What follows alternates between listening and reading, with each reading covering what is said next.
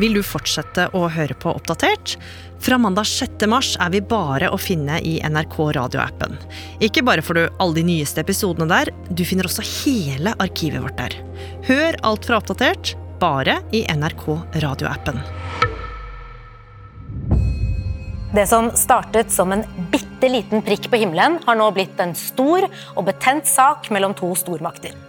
I en hel uke svevde den i luften over amerikanerne. Gigantiske flyvende ballonger skaper storpolitisk trøbbel. The Pentagon is confident this surveillance balloon belongs to China.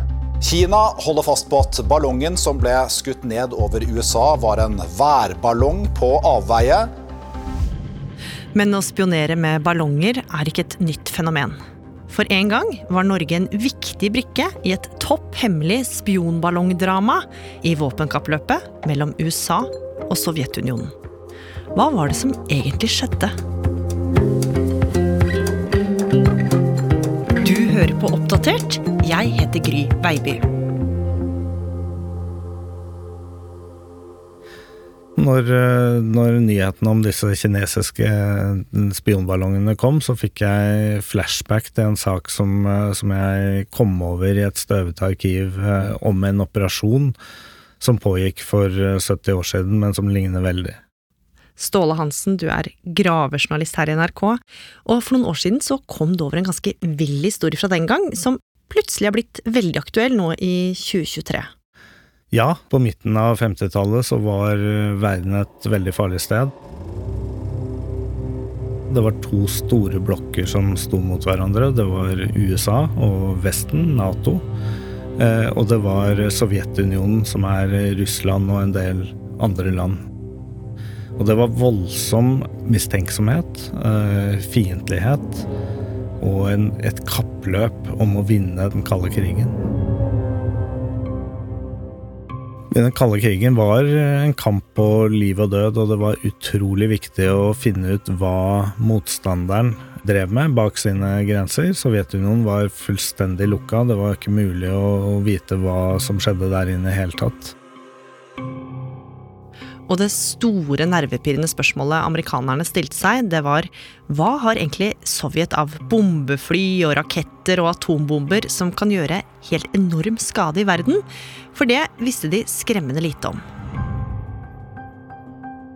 I Det hvite hus satt verdens mektigste mann, USAs president Dwight D. Eisenhower, sammen med etterretningsfolka sine og lurte på hvordan de kunne løse floka som kunne true verdensfreden. For Ståle, de hadde jo flere ganger før prøvd å finne svaret på hva som skjedde inne i Sovjetunionen.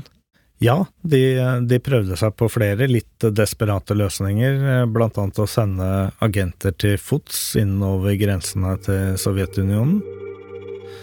De sendte folk utkledd som turister, biler som kjørte inn i Sovjet og prøvde å fange opp radioaktiv stråling og sånne ting. Men dette ga bare små resultater. De dekka veldig små områder. De, de, fikk ikke den informasjonen som de trengte om hva russerne virkelig hadde. Så stressnivået var nok ganske høyt hos den amerikanske presidenten når Sovjet nærmest lå som en mystisk svart flekk på etterretningskartet. Og i lang tid så prøvde både den amerikanske regjeringa og etterretningstjenesten å komme på hvilke nye spionmetoder man skulle gå for. Men en dag så skulle det dukke opp en ganske spesiell idé, som virka like enkel som den virka genial. Løsningen var rett og slett en god gammeldags ballong som skulle sveve over Sovjetunionens grenser og over landet og ta bilder av alt det de ikke visste hva, hva var i Sovjet. Og det var starten på det som ble det topphemmelige prosjektet Operasjon Genetrix. Så amerikanerne de begynte å utvikle ballongene. De måtte være veldig store for å klare å få med seg alt utstyret de trengte, og de måtte også kunne fly så høyt at sovjetiske jagerfly ikke klarte å skyte dem ned. Ballongene var enorme.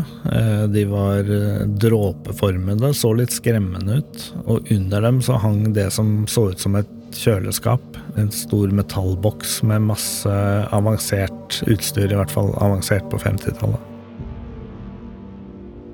Så nå håpa amerikanerne på at ballongene de skulle sveve inn over det enorme Sovjetunionen og samle inn viktig informasjon om hva de egentlig dreiv med der inne. Og den spektakulære planen skulle avsluttes på et minst like spektakulært vis. Ja, amerikanerne hadde et kjempestort teknisk problem, fordi eh, kameraene de, eh, de tok jo eh, opp film. Og det kunne man ikke sende på den tiden. Da måtte de fysisk ha tak i filmen. Sånn at når ballongene kom seilende ut på den andre siden av Sovjetunionen, så var det en mekanisme i ballongen som kuttet løs dette kjøleskapet med utstyr. Og da var planen at eh, det skulle komme et fly eh, og plukke opp dette kjøleskapet som da falt ned mot, eh, mot havoverflaten. Så dermed hadde amerikanerne lagt en plan for hvordan de skulle få henta etterretningsinformasjonen disse ballongene forhåpentligvis hadde fanga på film. Men de innså jo fort at de hadde et annet og ganske stort problem. For i det hele tatt å få sendt ut ballongene fra USA til Sovjet, så måtte ballongene krysse halve jordkloden. Og det var jo helt urealistisk, Ståle. Det var, det var altfor langt å slippe de ut fra USA, så man måtte komme mye nærmere grensa til eh, Sovjetunionen. Så amerikanerne begynte å studere vindforhold, og de studerte geografi, og fant ut at uh, noen steder i Europa så veldig bra ut. For det var veldig viktig å finne akkurat de stedene hvor, hvor ballongen kunne komme inn i en luftstrøm som ville føre de over eh, Sovjet på riktig måte. Så amerikanerne de jobba iherdig med å prøve å finne de perfekte stedene de kunne slippe opp ballonger. De fant snart gode vindforhold både i Tyskland, Tyrkia og Skottland, og fikk tommel opp fra landene om at de kunne sende opp ballongene derfra. Men så fant de det ultimate stedet. Et sted med perfekte vindforhold som de var overbevist om at ville egne seg best av alle. Det var i et naboland av Sovjet, nemlig Norge, nærmere bestemt Gardermoen. Men det var jo bare ett problem. De måtte få klarsignal fra norske myndigheter.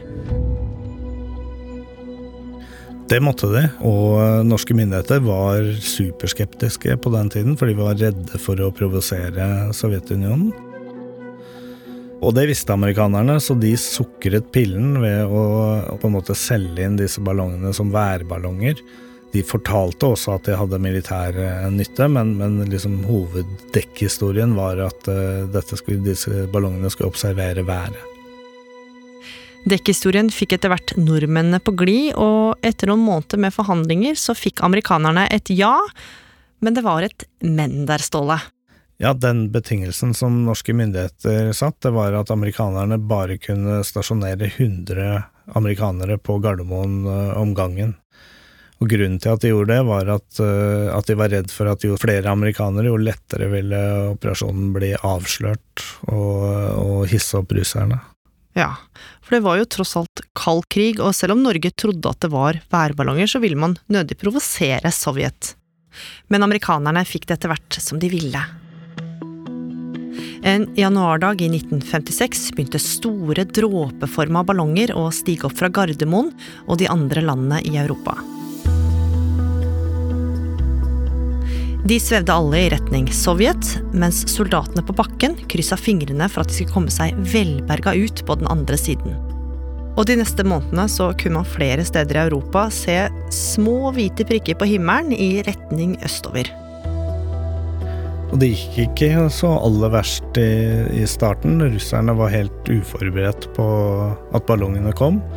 Så da var det faktisk eh, en del som kom seg over hele, hele, landet og ble fanget opp på andre siden helt etter den planen som man hadde lagt på forhånd. Og amerikanerne fikk jo med det noe av den etterretningsinformasjonen de hadde ønska seg. Men mange av ballongene de sendte opp, klarte jo aldri den mange dager lange ferden over Sovjet. Og etter hvert så oppdaga også russerne ballongene som svevde over dem. Det ble veldig fort eh, klart at ballongene ikke var så gode som de trodde. De falt ned i hytt og pine, og russerne lærte seg veldig fort hvordan de kunne skyte ned eh, ballongene. Fordi eh, på tider av døgnet om morgenen så, så fløy de plutselig mye lavere enn de skulle pga. lufttemperatur og gassen og, og sånne ting. Så da fikk russerne mulighet til å skyte ned ganske mange ballonger. Og ikke bare det, flere steder skapte det også trøbbel for flytrafikken.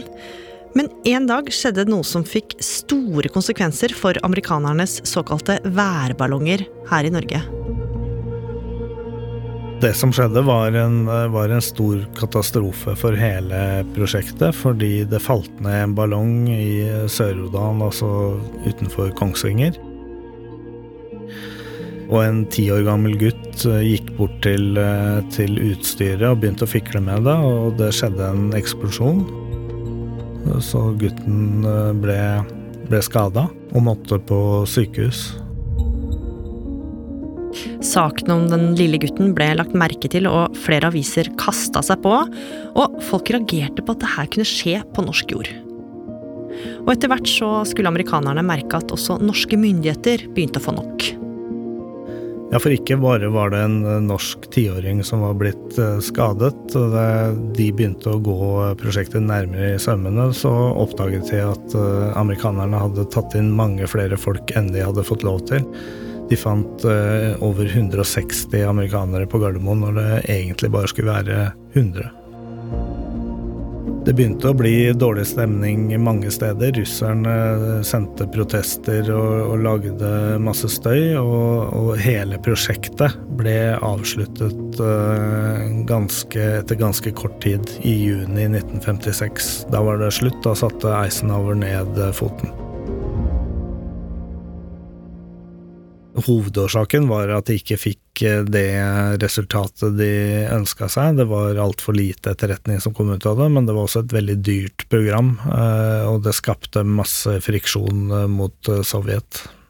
Så Ståle, hva fikk amerikanerne egentlig ut av det her? Ikke all verden. De sendte opp 516 ballonger, og av de så var det bare 44 som kom seg over til andre siden og ble plukka opp og bare så vidt over 30 som hadde noe, noe etterretningsmessig verdi. Så det var ikke noe vellykka prosjekt, og bare et par år etterpå så hadde de spionfly som kunne gjøre den samme jobben enda bedre enn en disse ballongene. Og det er jo mange som tenker, når man ser på situasjonen i dag altså den, Det vi har snakka om nå, er jo nesten 70 år siden. Hvorfor bruker man ballonger nå? Ja, det er et veldig interessant spørsmål. Det er veldig fascinerende at man gjør nesten akkurat det samme som amerikanerne gjorde i 1956. At eh, kineserne gjør nesten akkurat eh, det samme i dag. Eh, og at den samme teknologien som egentlig er fra 1700-tallet, fremdeles blir brukt til, til spionasje. Men forskjellen i dag er kanskje at kineserne ønsker at vi skal se dem for å sende et slags signal om at de følger med. Uh, uansett så er faktum at vi nok en gang har et uh, spionballongdrama mellom stormakter.